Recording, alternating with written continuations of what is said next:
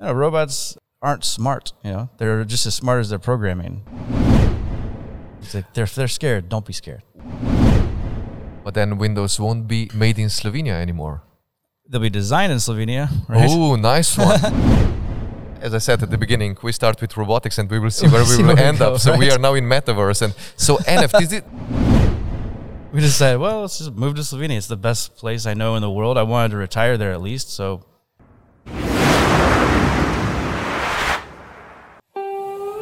Dobrodošli v Gravitaciji, podkastu, v katerem ideje ne padajo daleč od drevesa.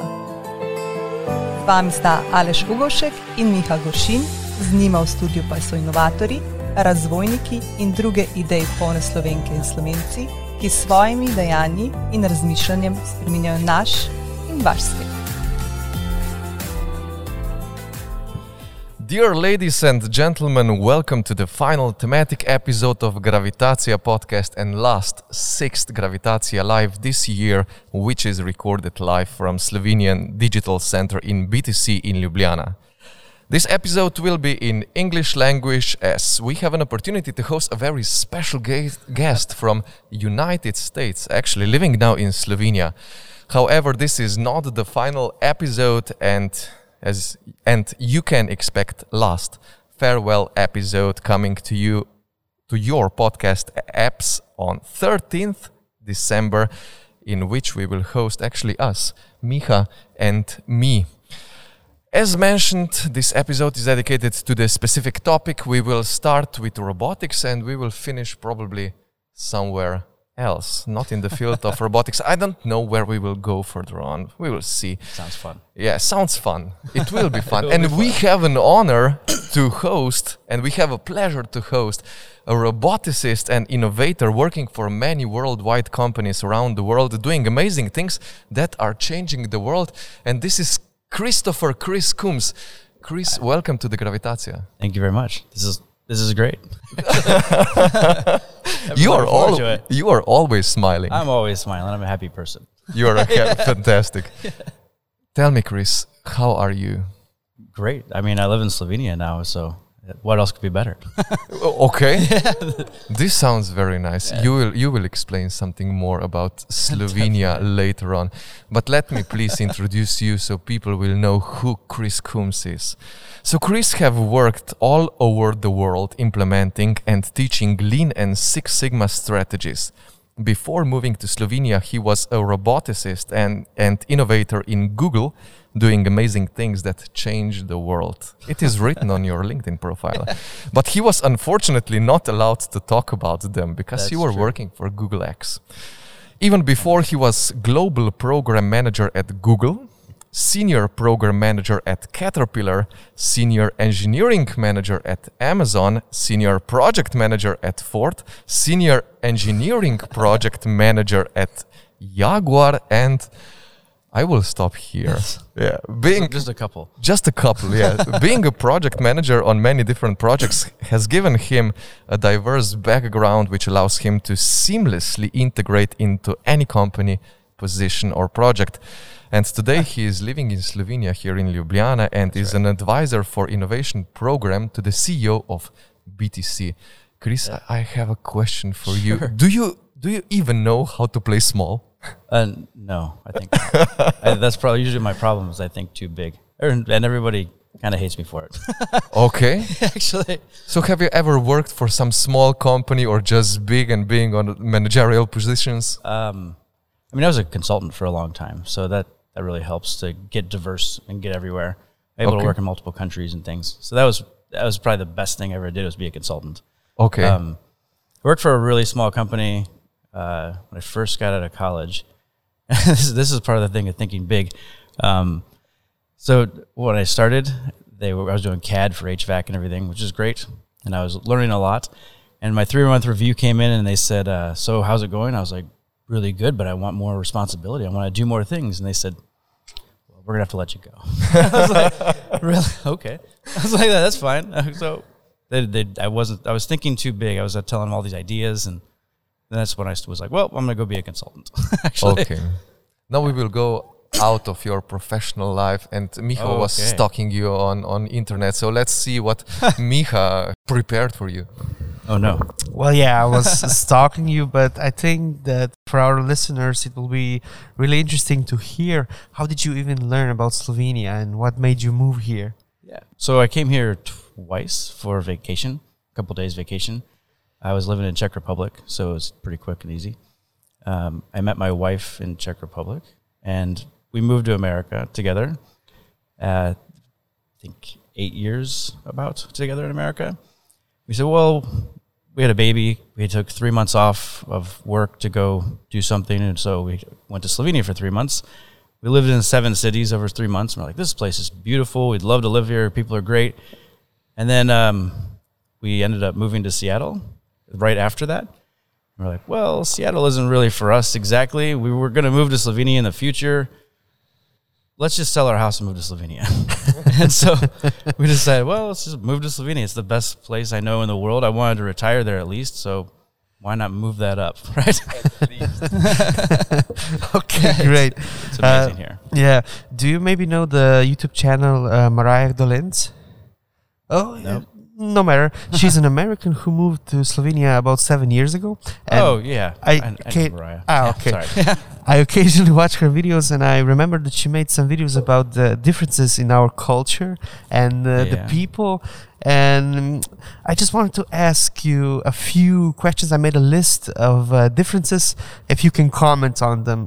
So, for Slovenians, uh, 20 minutes is almost a long drive. That's very true. That's pretty funny.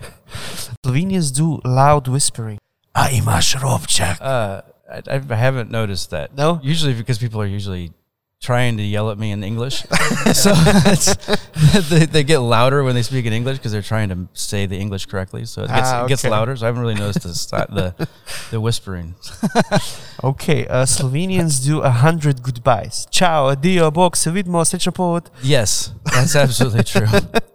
I never noticed that until Yeah. I heard Mariah say it. Yeah, it's, it's pretty funny. I've I uh, I see that a lot. Just bye, and I, I constantly say bye, ciao. ahoy. like I'm trying to use every language I can to say bye, except for Slovene because I'm still, still learning. Uh, what would you say about this statement? Slovenia is quite expensive. Jeez, yeah, it's like the most expensive place I've ever been in my life. Actually, I did not expect that. I didn't expect food and housing and gas and everything to cost so much. It's uh, it's more than Seattle. I lived in Chicago. It's more than Chicago. Mean, Not tipping the waiters is not rude. Yeah, that is hard to get used to. But I lived in Europe for a while before I moved to Slovenia, so I, I kind of got used to it. I still tip people because it's it feels weird not to, you know. but then I think like my wife's like, leave him fifty cents. I'm like, what are you talking about? It was like fifty euros. She's like, it's fifty cents. I'm like, no, I can't do this. It kind of drives me crazy. But then she pays, and I'm okay. Is there anything else that uh, is just so different or out of your country, comfort zone or strange? I, having kids, the I mean, because they get sick like all the time. The hardest thing I think for us is uh, the the hours of everything being open. Like nothing's open on Sunday, which is we used to go shopping all the time on Sunday, and like Walgreens and CVS and the pharmacies and all that. You can just go 24 hours a day and get diapers or anything you need. Um, and the pharmacies are odd here. Like if you want to get cough medicine in America, you walk in and you buy cough medicine. Here you have to talk to somebody and say, "I want this," and they say, "Do you really want that? Because this might be better for." Did you try herbal? And I'm like, "Just give me the thing that I want." like, like, no, no, no, no. Let's have a conversation first. I'm like, "But you don't speak English, and so let's let's try talking about it somehow." And I have to pull somebody over. All right, tell them cough medicine. They're like. Uh, Castle or something. I'm like, yeah, exactly. Yes, but give me cough medicine try this herbal supplement. I'm like, no. so that's been really, really hard to uh, transition to. So Yeah, yeah. That's quite annoying, yes. I don't know if you deal with that too or not, but Um, yeah, yeah, yeah. yeah, we have this option, but we have also this option. yeah. Yeah. one of the things you also mentioned to us a few months ago is that you like to try cool new gadget and tech things. Yeah, I'm Um, constantly buying random stuff. Yeah. Yeah, yeah. one of the them, one of them being Google Glasses that you Yeah. said you used for playing golf. yeah, so, that's right. Uh, so I had Google Glasses when they first came out, and I tried them for everything. I mean, videos to burnt your face off if you tried to use a video because the battery got so hot.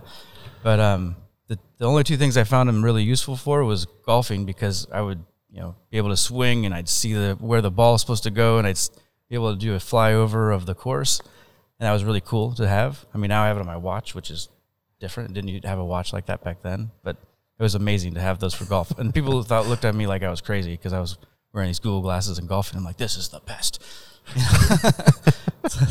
That was the best use case I found for Google glasses. Great. Um, one of the things that Aleš said I should ask you is which which is your favorite brand of beer now in Slovenia, In, in Slovenia, if you have found it yet. Um, but like uh, the human fish has been the best ones I found for the different tastes. Right, I really like the human fish beer in Slovenia. But I haven't found a ton of beer that I'm in love with in Slovenia yet, to be quite honest. Yeah, we had uh, yeah serious discussion about beers lately. Yeah, Right. and well, I don't agree that human fish is the best, but I won't say which one is the best for me. true. That's okay. Yeah, I think we need to go later on. You know, just to put beers on Yeah, the table We and should. we should just should. line them up and just go for it. Not, not, not, not we should, we will. Okay, we sounds good. will. Yeah. Okay. Enough about beers. Enough about Chris. Uh, y- y- because you started to sweat. So Am I sweating? No, no, joking. yeah, a little joking. bit. You're right. Man. So we will now dig deeper into the theme of uh, today's episode. This right. is robotics. I will just read couple of um, couple of facts um, from industrial robotics uh, for our listeners because there are some uh, interesting numbers and then I will ask you to comment all this. So the World Robotics uh, Industrial Ro- Robots report, the latest, shows a record of 3 million industrial robots operating in factories around the world. This is an increase of 10% if we compare it to the last year.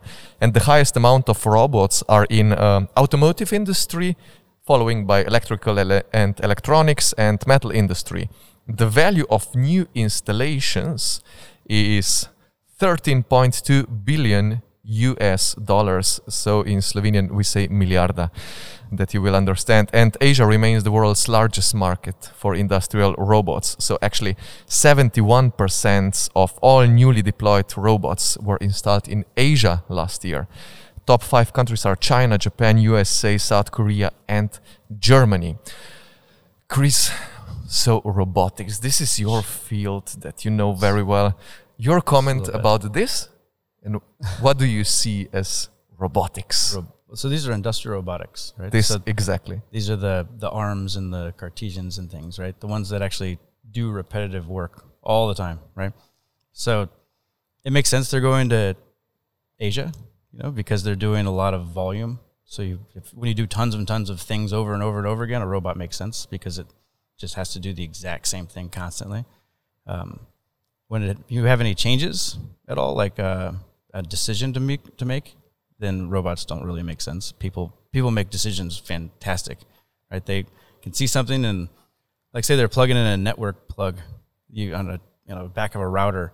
You can a person can go, yep, that's correct. Turn it upside down and plug it in, right? It still takes them a couple seconds. A robot would never figure that out, you know. So if you think of it like that, the robots need to do very very specific programmed things, and uh, you know mass manufacturing is like the automotive. They make a ton of vehicles the exact same way, the same welds, everything. So robots do make sense. They'll make them for a year or two or three, the exact same vehicle.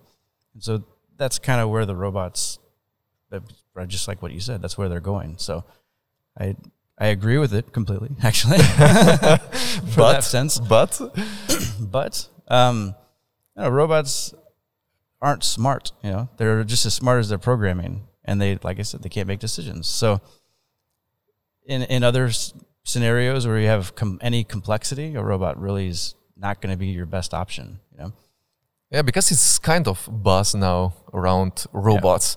Oh yeah, we have a factory, but we don't have a robot. Yeah. But neighbor factory has a robot, so they're really cool. And they're probably going bankrupt.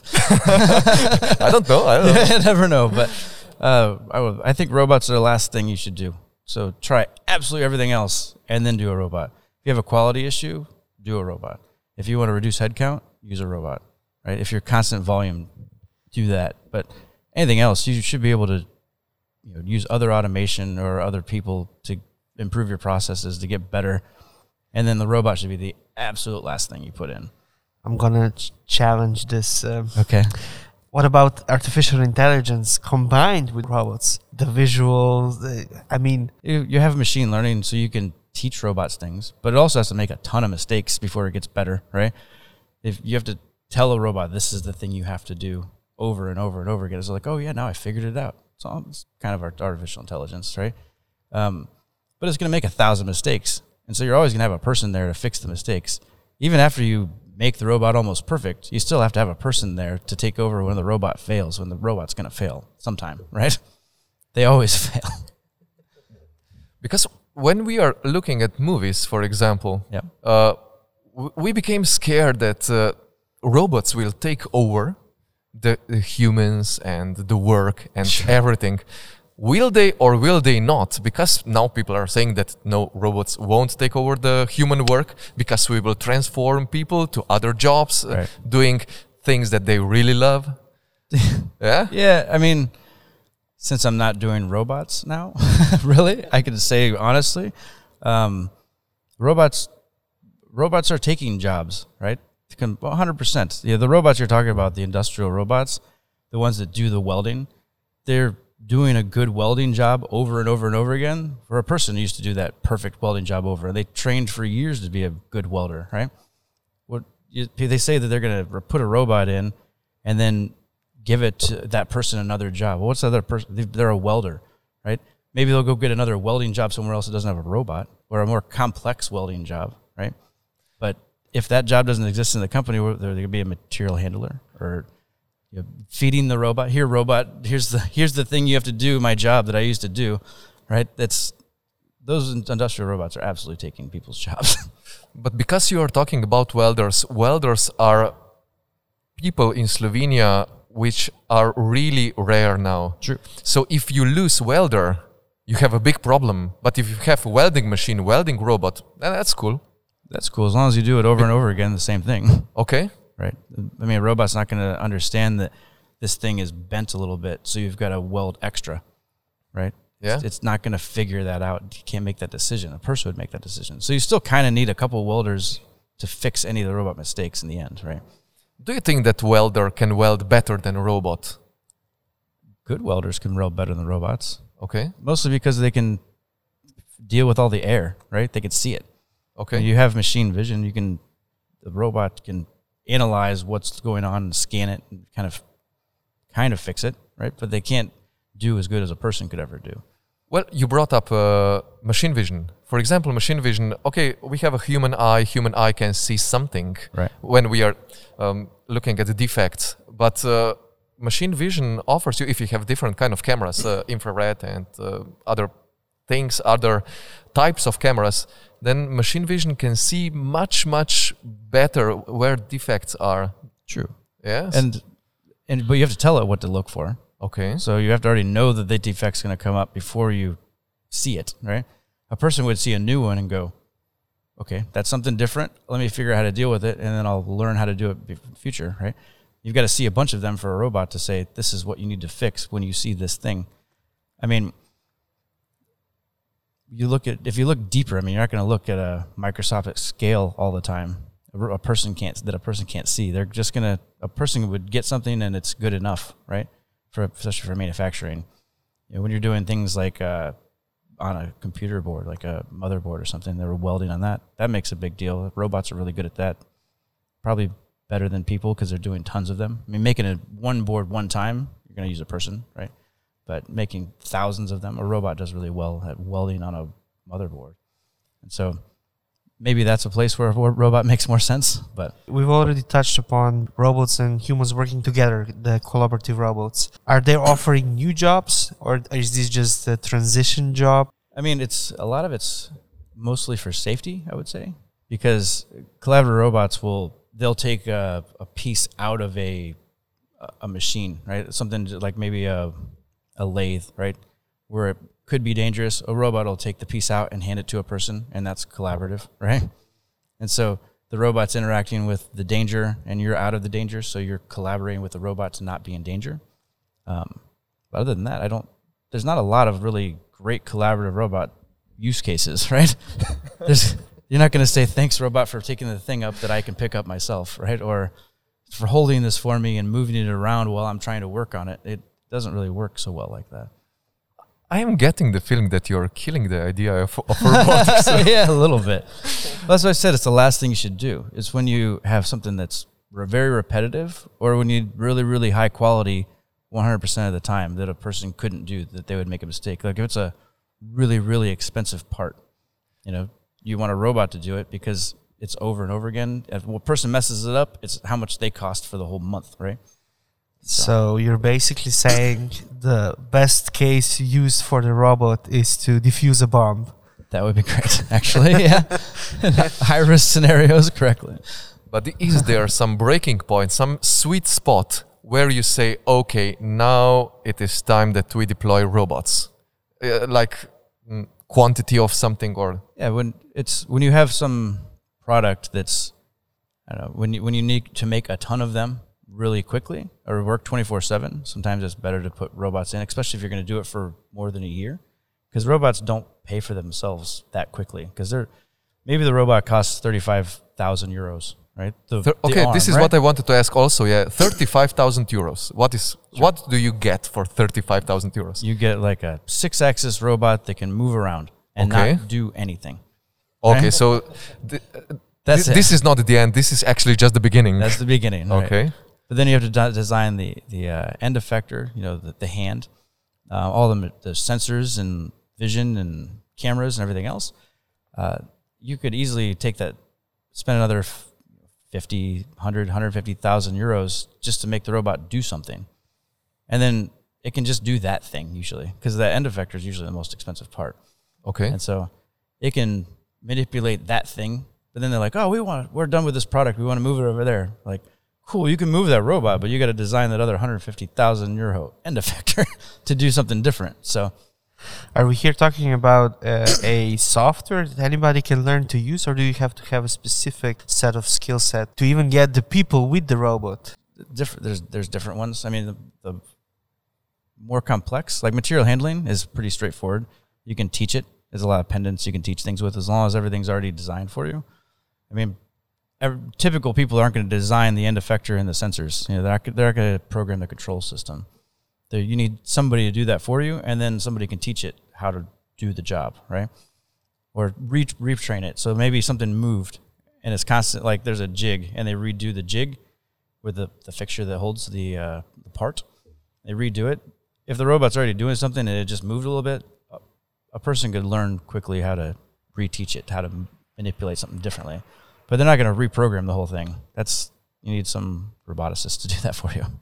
It Or seems controls engineer, I guess. everything about robotics seems very logical and straightforward when you're explaining. So, what is then beyond robotics? What do you see as a future? Or what is out there so, at the so moment? part of robots, right? So, okay. So uh, if you think of 3D printing, that's a that's a Cartesian robot, right? It's still a robot, but it's 3D printing. I mean, they do have the other ones that use like articulated arms that can build houses and stuff, but I think that's the uh, the next step. That's additive manufacturing. Okay. So I think additive manufacturing is going to take off, especially for bringing um, manufacturing back to where it started. So like where did it, where it was designed. So Slovenia is exporting things to China or to India. Same with every other country, right? Can you please explain what is additive manufacturing Additive manufacturing. It's in, in, a uh, in simple words? simple words. It is Or in one case? uh, adding material to build a thing. okay. Right. So 3D printing adds material to build something, right? Which is Uh, like you would add icing to icing a cake. to a cake. Yeah. That's that's additive. That's Yeah. that's very true, right? It's the same. And then the opposite, you have subtractive, where you take material off of a, you know, off of a piece of wood to make a baseball bat or something. Can you give some specific exa- examples? I don't know. How can you do additive manufacturing in automotive industry or some some cases that we will understand Automotive is or some other so automotive is very high volume of the same thing, right? So you might be want to do mass production there. Uh, I really like the example of the glasses because I bought a pair of 3D uh, 3D printed glasses a couple years ago. It was um, Monoqool, I think it was Okay. the company. Um, Know, they're from Finland or something. But uh, that's a thing where I could see in the future once the 3D printing gets better. You don't have to have these things mass produced anywhere. You can have them in every optometrist office. What kind of glasses do you want? Do you want them a little bit bigger or a little bit smaller? Do you want them designed differently? Then they would actually be able to do it. All right, well, here's your new design. Do you like it? Let's print one. And then they print it out, and three days later, you have new glasses. So So actually, the producers of glasses at the moment, they will. What, what will I buy? I won't buy glasses. I will buy a design. Design uh, meant for me. Will I buy a coat and give this to to one factory doing 3D printing, or Uh, you could, well, I mean, you could buy the coat and change it. The doc, maybe, maybe even optometrists or eye doctors will start having designers in their in their group, right? They can change things for you, and then you could, I don't know, maybe just print it there, or they send it off and they get it printed somewhere else. Because I mean, right now the four or five hundred thousand euros is the cost of a three D printing machine for like glasses, right? Um, to I think in five or ten years those will come down just like computers did from big warehouses to you know on your desk to the laptop.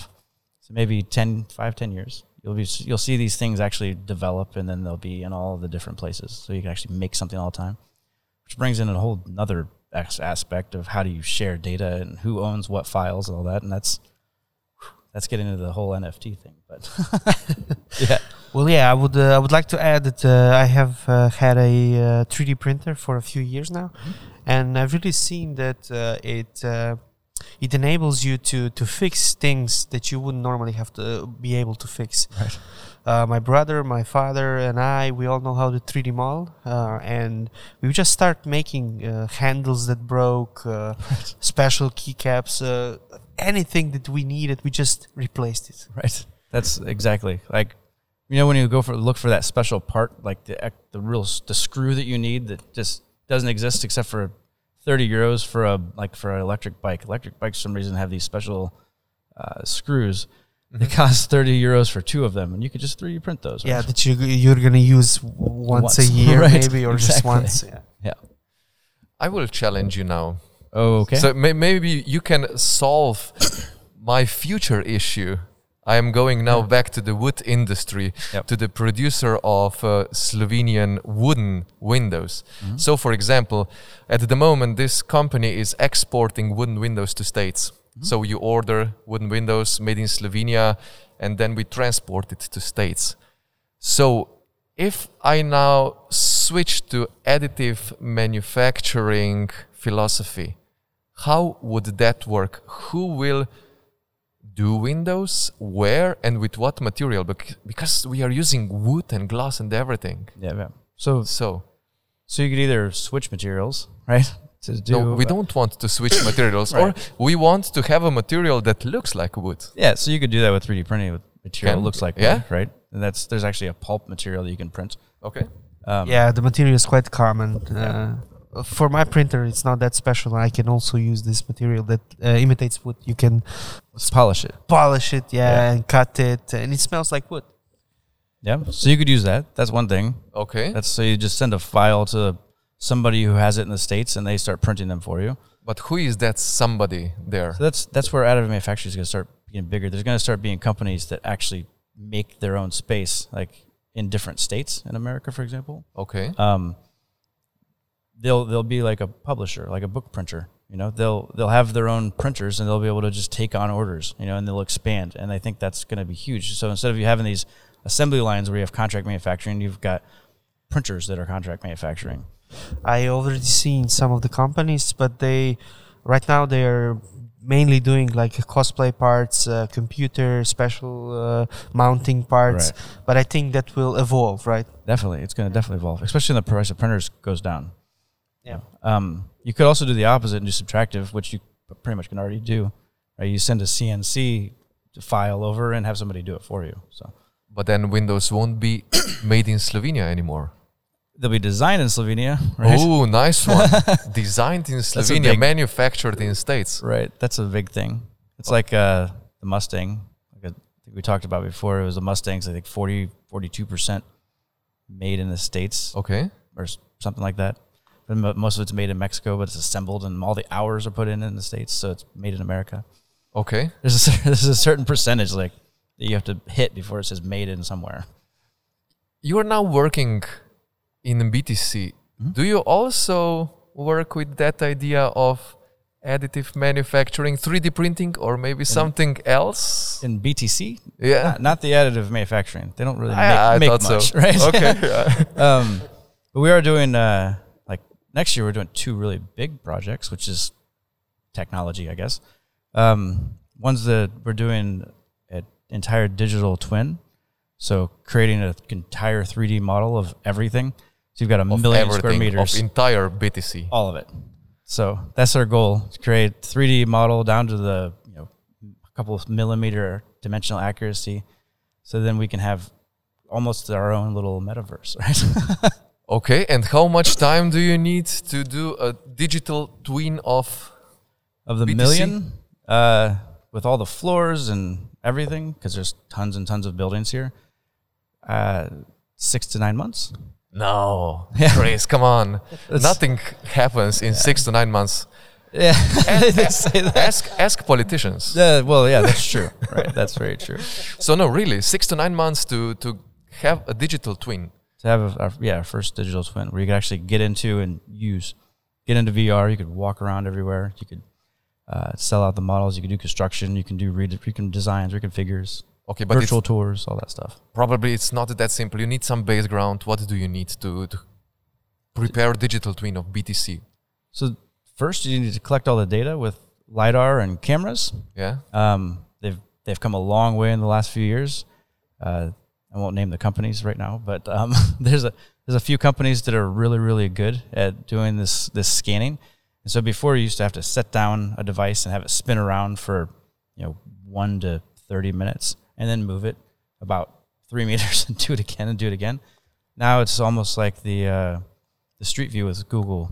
You you just put it on your shoulders or you push it around and you walk around the entire space and it collects all the data and creates point clouds and then layers images and colorizes the point clouds.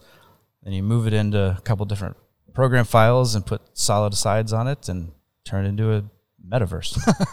Yeah, I've seen that technologies has uh, advanced so much that you can get it in the new iPhone or something, right?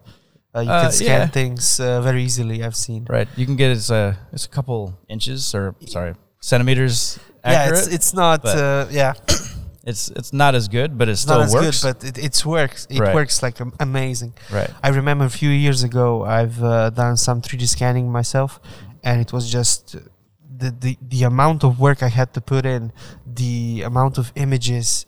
Uh, now it it actually scans it live, and it's Right. better than when I had to input like thousand images of one Right. object. Yeah, yeah, exactly.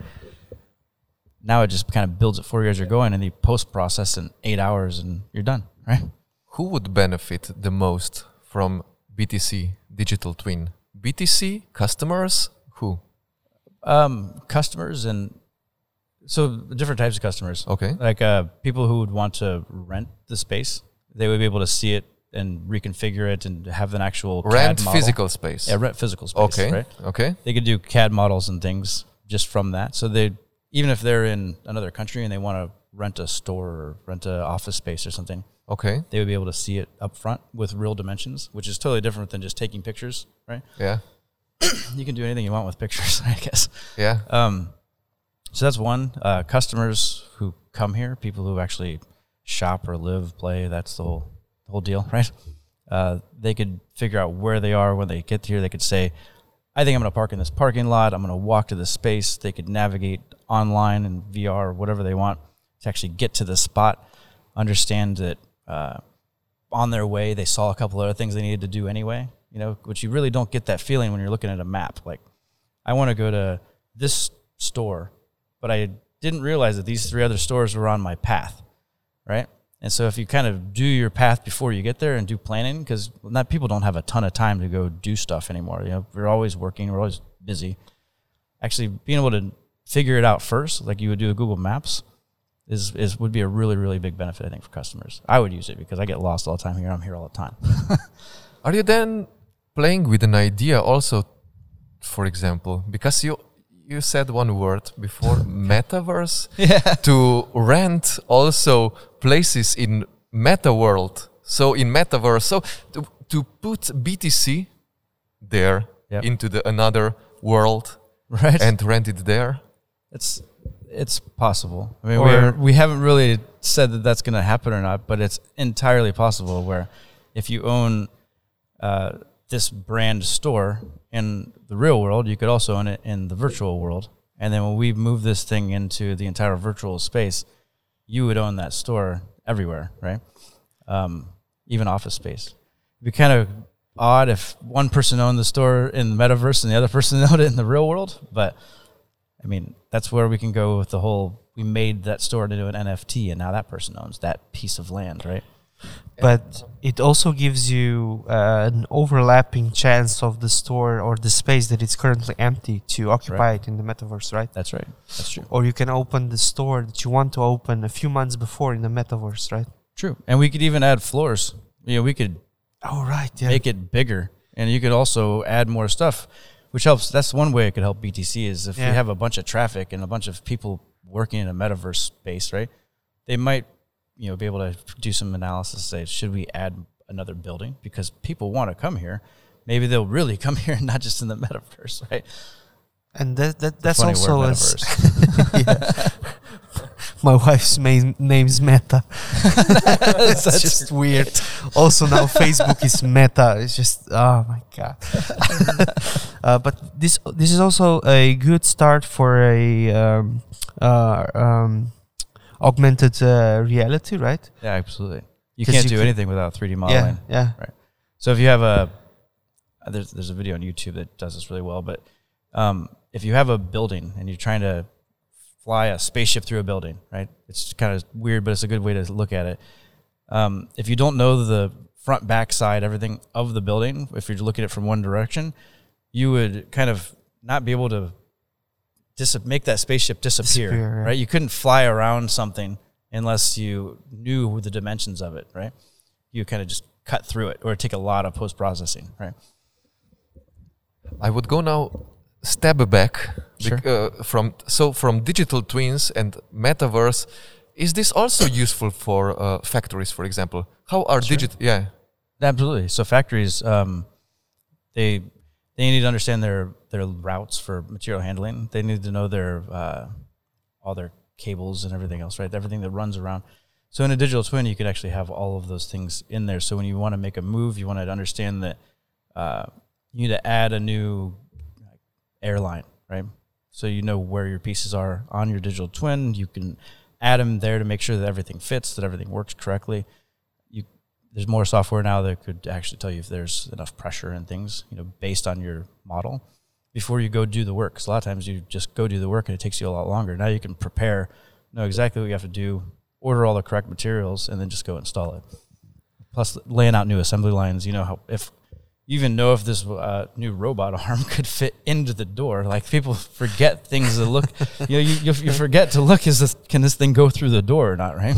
One very useful thing I saw is that if you have a digital twin or digital twin of a special kind of uh, robot or anything, you can also do uh, maintenance or repair from uh, from afar from uh, through the augmented So reality. augmented reality is more um, when you're doing maintenance. It, it's you're getting somebody to help you. They can see what you're doing, and you they can point to something like turn that screw, right?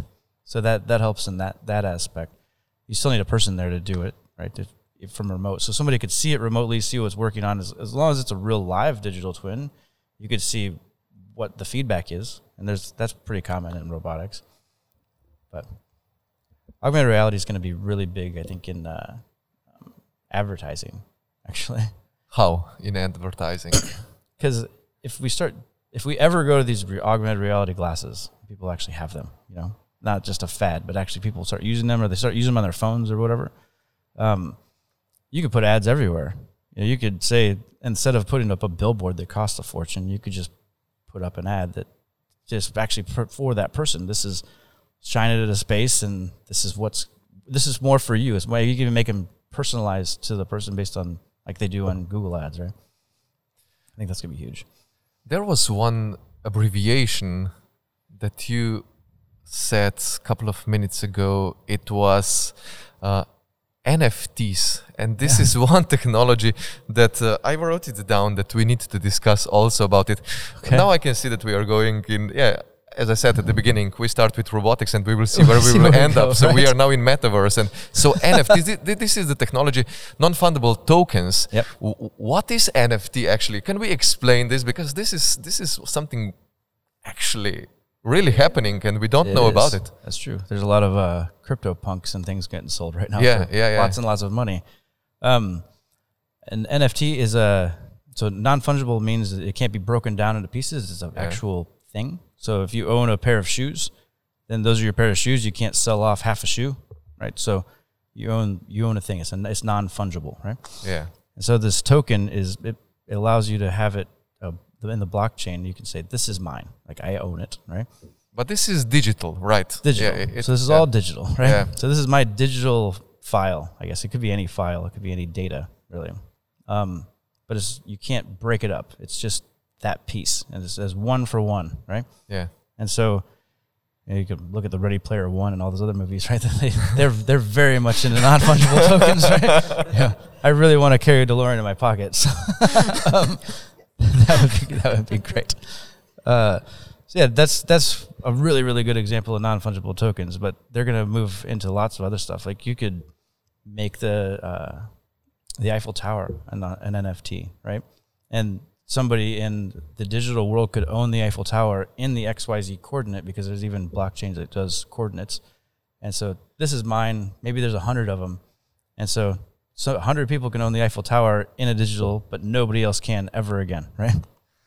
Yeah, I've, I've really seen that take off in the video game industry, uh, where you can create a unique item that you can transfer between games uh, and has a value. Yeah. c- Yeah. Could you imagine using a, a Halo gun in Call of Duty or something? that would be yeah, that would amazing. Be amazing. or uh, one ring to disappear in some other games. Yeah, Right. that that was just crazy. right. Gamers. Yeah, yeah. I'm sorry. no, I'm thinking about now, uh, starting to think about new business models. So, for example, if you have digital twin of BTC, Right. you put it in a metaverse, meta world, however we call it. You have uh, a flat there, and you have a picture on it, a fine painting, and you, I can actually buy this picture there, or I, I can buy NFTs. Right. So this picture there, or a piece of picture, will be mine forever after. Yeah. Until you Is sell it like That's right. this? That's right. Yep. So- So, you, you own it in a virtual world. Yeah. You can Ma- transfer it to all the different ones that it. That right now they don't accept it. Right. That's the problem. So once they start to accept everything, then you can transfer it between places. Okay. Right now, it's really really big just to have a picture of a monkey and make it your profile picture. It says, "Look at me, I made. I have enough money to buy this monkey." But it's going to take off. I think This is just a very big start. And music, musicians are using it, so they actually get paid for music instead of you know the old Napster or whatever. Right. Do you think this is now illusion? I don't know. Uh, if you need some income, well, uh, you need um, a person who invests in you or in your company. So, for example, you do a factory, you have digital twin, digital robots, everything, and then for investors, you you're actually selling these digital robots. I mean, I I am just playing with ideas. they, they might not make any money. I mean, I guess you could. I guess when you're, uh, we have a robot company. If you so, I sell a robot to a company. yeah, yeah. I could also sell them a digital representative of it. Yeah. like a file. Yeah. and that could be an NFT to say you own that robot plus this NFT with the same serial code, right? yeah. then if somebody makes some really really good industrial uh, digital twin software then you could input that nft into it and then that would just update your digital twin for your factory that would be absolutely fantastic Okay. so then it links to the actual robot there's a file that can only talk to that robot that you can only own that robot in that file and that would be that makes life so much easier. Actually, And now I'm further on playing with ideas. So, oh, this is this is scary, but actually, yes, it can happen. So, I will be building my own house in second world, in digital world, in brave new world. yeah, brave new. Yeah, as uh, Huxley wrote down his book in 1931. So, in Brave New World, I will build my own digital house and I can buy my digital windows, wooden windows in that world. So, this means that a company that I am going now can start building digital windows Sure, for the future. absolutely. Why not? Okay. and you can sell them as NFTs. And when people are designing their new house, they could uh, buy a, or you could rent them maybe a piece of a window. Yeah. right? And they could design it into their house before they build their own house in the physical world. So Okay. yeah, that that's possible. Chris, do you like the future like this? I do. And I will so end many here. pos- there's so many possibilities. I really love the future of that. One other thing, just for the BTC, if you don't mind. yeah, uh, yeah, please. we're we're really pushing to make it a living lab because there's like 21 to 30 million visitors a year and so many different interactions so many streets so many parking spaces so many just everything's going on here all the time it's a gigantic place i've never seen something so big so next year the goal is to make it the largest living lab in the entire world with actual people doing actual things most living labs are just you know a space that is kind of just constructed to be a living lab this is a living lab from an actual space where we can do tons and tons of fun new tech things. And so we're trying to get companies to come in and try all their new stuff and you know, play. This is going to be a big play tech place, I think. If you have um, you know, plates that go in the road for electric cars, right? That we can if we can install plates because we own the roads, right? Yeah. We uh, we can put in parking sensors and cameras and lidar and stuff to make sure that traffic's moving, or we can put in light bulbs that turn on in different hues for different types of people, and maybe it understands your, from your phone that you like this thing when you're shopping. I don't know. Lots and lots and lots of Yeah. fun ideas that we can do. Different chargers for electric cars, right? Right. Yeah, yeah. yeah. I. Self-service robots that make you coffee. You know, whatever. Guys, I'm a little bit scared. Sorry. I just found. I will be quoting now William Shakespeare. It's about Brave New World from The Tempest. It goes like this, and this, I think this uh, is what I am seeing now. It goes like this, yeah. Oh wonder, how many goodly creatures are there here? How beauteous mankind is, oh brave new world, that has such people in it. So I really hope There's good people. that there will stay many goodly people, also in second brave new world. I, I think so. People are actually pretty good in general. So everybody gets very scared of the very few, right? Yeah. And so when you're thinking about all this new technology and can you click accept cookies and things like that, right? don't don't worry about it. Like cuz you're just a, a little fraction of a percentage of a person or what their data they're collecting, right? They they just want information. Um, not on you or anything, right? So I think if people really start to realize that they're they're part of this whole ecosystem and not um, just feeding it, they're actually in it because you're not getting all this services and all this data for free, right? That you wouldn't get if you weren't participating. So everybody's in this now. So if we're all in it together, there's a few bad people, but you really don't have to worry about them. But But what- there's lots and lots of people trying to stop the bad people. So don't worry about them. It's But few bad people have a lot of um, power. Yeah, not really. I mean, how often do you really see that, you know, your Facebook picture just got posted on some random website, right? Like it doesn't doesn't really happen, you know. And all these companies have lots and lots of security, so you don't have to worry about any of this stuff. Thank you. That's that's really what I push for people. It's like they're they're scared, don't be scared. We will quote you at the very beginning of this episode. Don't be afraid. Don't Fantastic. Chris. Great. we could talk for hours now, sure. but we need to stop here. We started with robotics, and no, actually, we started with Slovenia. That's right. Yeah, and he said that Slovenia is the most beautiful but the most expensive country in the world. for, for This is what something I I've lived in. Yeah, that's right. yeah, and um, you said about robots that when you do a tons of things, that then robots are a good option and Right. that try everything before going and deploying a robot. Yeah.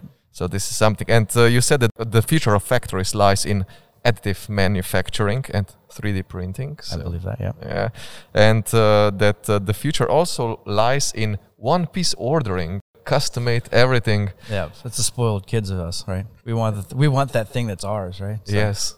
And then further on, we actually swam, we dived into um, digital twins and Right. metaverse and non fungible tokens that I forgot to write down some notes because it was so interesting and something totally new. So, if you didn't understand everything that we were discussing, so please go back, rewind this episode, and hear it once again, or Google it. What is additive manufacturing, NFT, digital twin, metaverse? You will find a lot of great podcasts There's about of information. a lot of information. So we will stop here. And before we go to the final part of the final thematic episode uh, of Gravity Podcast, Miha, it's your time for your final. It is called uspešek. This is Slovenian word. So small tips from Miha how to live. Uh, yeah, easily. So uh, today I will present to you an, an amazing website called ilovepdf.com and it allows you to edit PDFs with advanced features that would you- would normally have to pay for.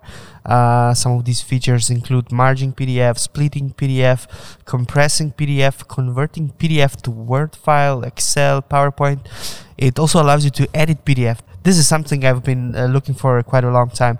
It also allows you to unlock PDFs. And one more special feature, it allows you signing PDFs and quite a lot more. Please check it. Visit ilovepdfs.com. Thank you, Miha, once again, and thank you for the last time for uspešek. A lot, a lot of great tips coming from you. Maybe we'll uh, make another podcast just uh, about these tips. We'll see. We will see. That'd we be will great. see. Yeah. and now we came to the final part. It is the challenging Okay. part. We we found three challengers for you. I know that two of them you know. Okay. Two of them, well, they know you, and one guy, and one guy you don't know. He's from robotics. Oh, good. And yes, let's go to the first one who you don't know. Yeah, Miha, please. Yeah, your, your first challenger today is Eric Arco, uh, manager of robotic applications developed at Yaskawa. Great. Hi Chris, my name is Eric Harko from Yaskawa. We are producer of industrial robots. And there is the challenge. What do you think what will be the coolest robot application with industrial robots? The coolest application. Coolest application of industrial robots. And does it include swords? Yeah, that's, that's I've seen that one. That's fun. Um, the, like a profitable application. And we already talked about additive manufacturing, right? That's a robot. So that's I think that's the not cool. It could be the coolest, but I think that's the way it's going. Um, the coolest. I like the uh, the displays actually. You know, when the robots they give a six axis robot that's holding up a TV screen and they, they change the way things the TVs work and they move together. Okay. I think when we start doing things like uh, in the Olympics, you know, they do the drones now, right? Yeah. When you start getting these robots out there that are starting to move around all the boards, having like a, a display, I think that's pretty cool, actually. Well, Eric, you've heard it, and uh, this is maybe a mission cool. for Yaskawa. yeah, I think it is really cool to see. Okay, great, Chris. I still think we should consider a um, robot for chopping up sushi. I, you know, I, I know a robot and a person that used a uh, a laser cutter, and it did not go well. so um, So no sushi robot. Sorry, Miha. Sorry, Miha. Let's go to the, the second uh, challenge, and it comes from your co-worker. Uh, it's Teja Setnichar. She's the head of BTC Innovation Office, Yeah. and she's challenging you like this. oh, good. Hi, Chris. First, I would like to uh, say welcome to BTC team, and we're all really looking forward to work with you. And now, let's move to the challenge part. I know that you're not allowed to talk about your work at Google X Lab. So I will try to ask you differently, like in general. Can you tell us what were like three your greatest learnings working from Google X Lab that could improve Slovenian or companies' ecosystem, its business, or generally uh, the well-being of Slovenia? Clever Thank girl. you. yeah, right. Thanks, Teja. Um, so I didn't really work for the X Lab. I worked with them a lot, but just so you know, as a just a Google person, right? Um, You're Yeah. still cool. So. yeah, thanks. they're they're kind of a different different group of people. But, um, so three things that I learned. Uh,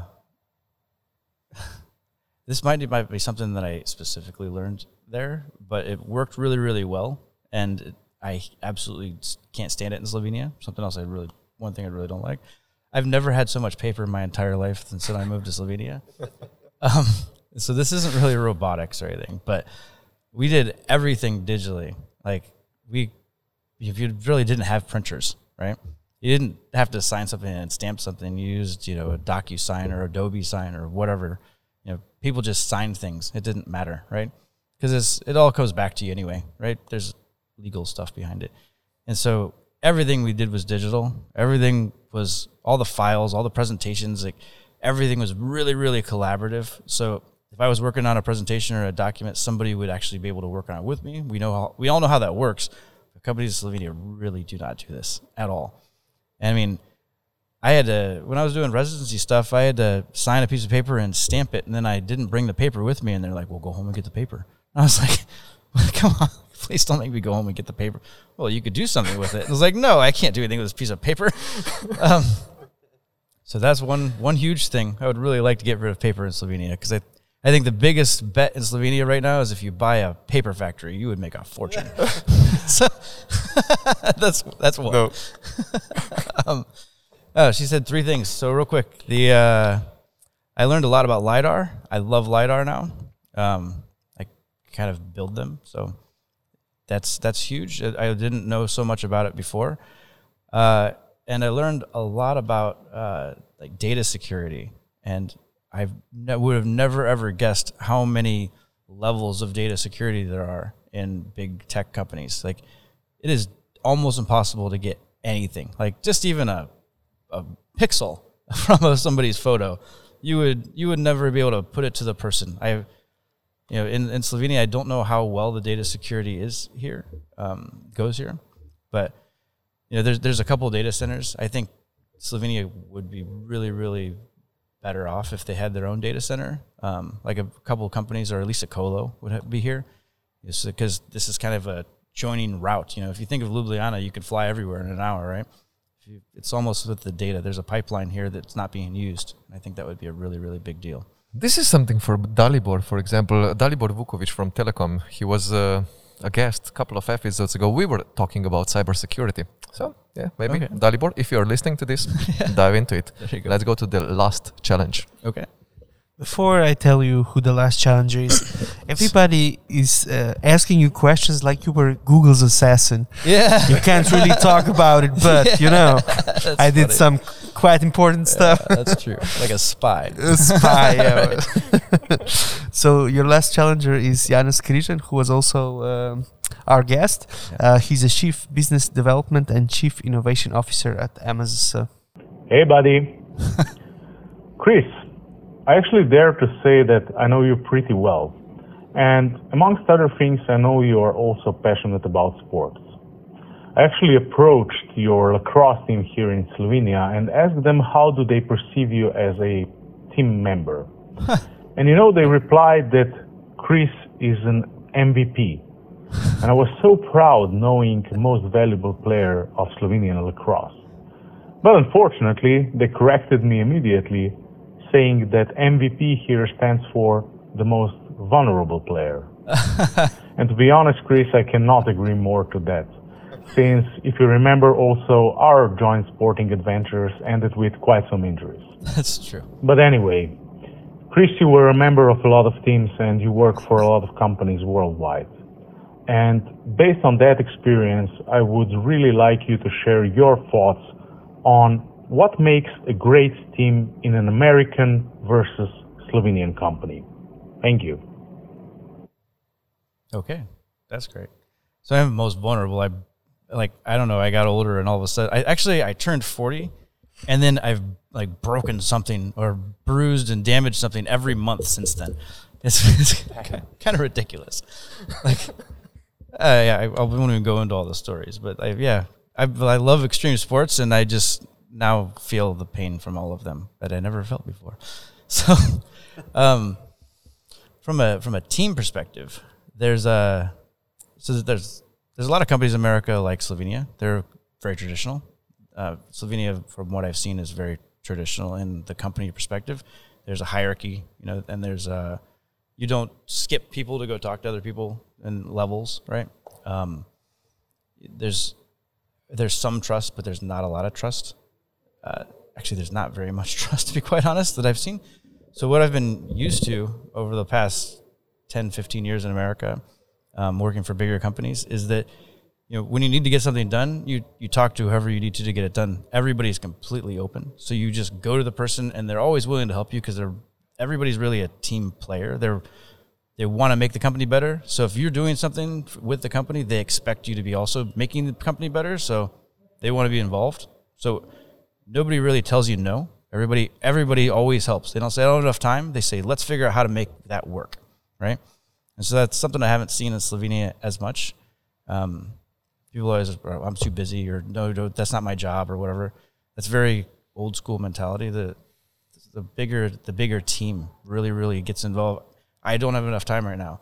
This person might. Let's figure out a plan together over the next 20 minutes and see how we can get this accomplished for you. That happens all the time in America, and I've never seen it happen here. You know, that's that's a huge difference. Um, and I think one thing is it's more tech company that I really really loved was that uh, you get treated like adults. So I, I, it's a weird way to say it, but you you don't clock in, clock out all the time, right? You you don't do all this. Uh, if I don't work forty hours this week, you get in trouble. They, if you have something else to do, you, you do it because they know that this year, this week, if you work 32, 35 hours, next week you might work sixty because you have a project to get done. They they let you do it how you need to. If you if I have to take my kid to school in the morning, but I also have a meeting with Asia in the afternoon, like late at night, they know that I'm going to come in later and work later. That they don't care, right? There's no set schedule for more for the tech companies, right? And so that's that was really huge, and that really really brought together this culture of helping and teamwork. And but that's something I would love to see here. This this trust. I trust that you're not going to try to take advantage of me asking you or trying to take over the, all the credit for my project. Nobody takes credit for projects. They just you know, work. We did it, right? It's us, and that's something I haven't really seen as much in Slovenia as I'd like to. Does that make sense? Have you seen that too? Yes. yes. And thank you for saying this loud. yeah. Yes, I hope you've, especially managers, that you've heard this, and uh, trust me, uh, Chris, uh, I am buying beer later on. so, dear Chris, thank you very much for Thank being you. our actually final 56th guest. Wow. Uh, and this was uh, 39th episode of uh, Gravitacija podcast. And thank you all for being with us today and for listening this episode at uh, podcast applications. Uh, you can reach Chris at Chris Coombs together without dot uh, at gmail.com. You will find his email in this um, episode uh, where it it is written about everything about this episode Yeah, LinkedIn, LinkedIn, and Gmail, LinkedIn. whatever you like. Yeah. So you will find Chris there, and don't miss our final episode, which will be released on 30th of December, which will be very, very special with Miha and me. So take care, all. Thank you, Chris, once Thank again. This is great. And Merry Christmas. Merry Christmas.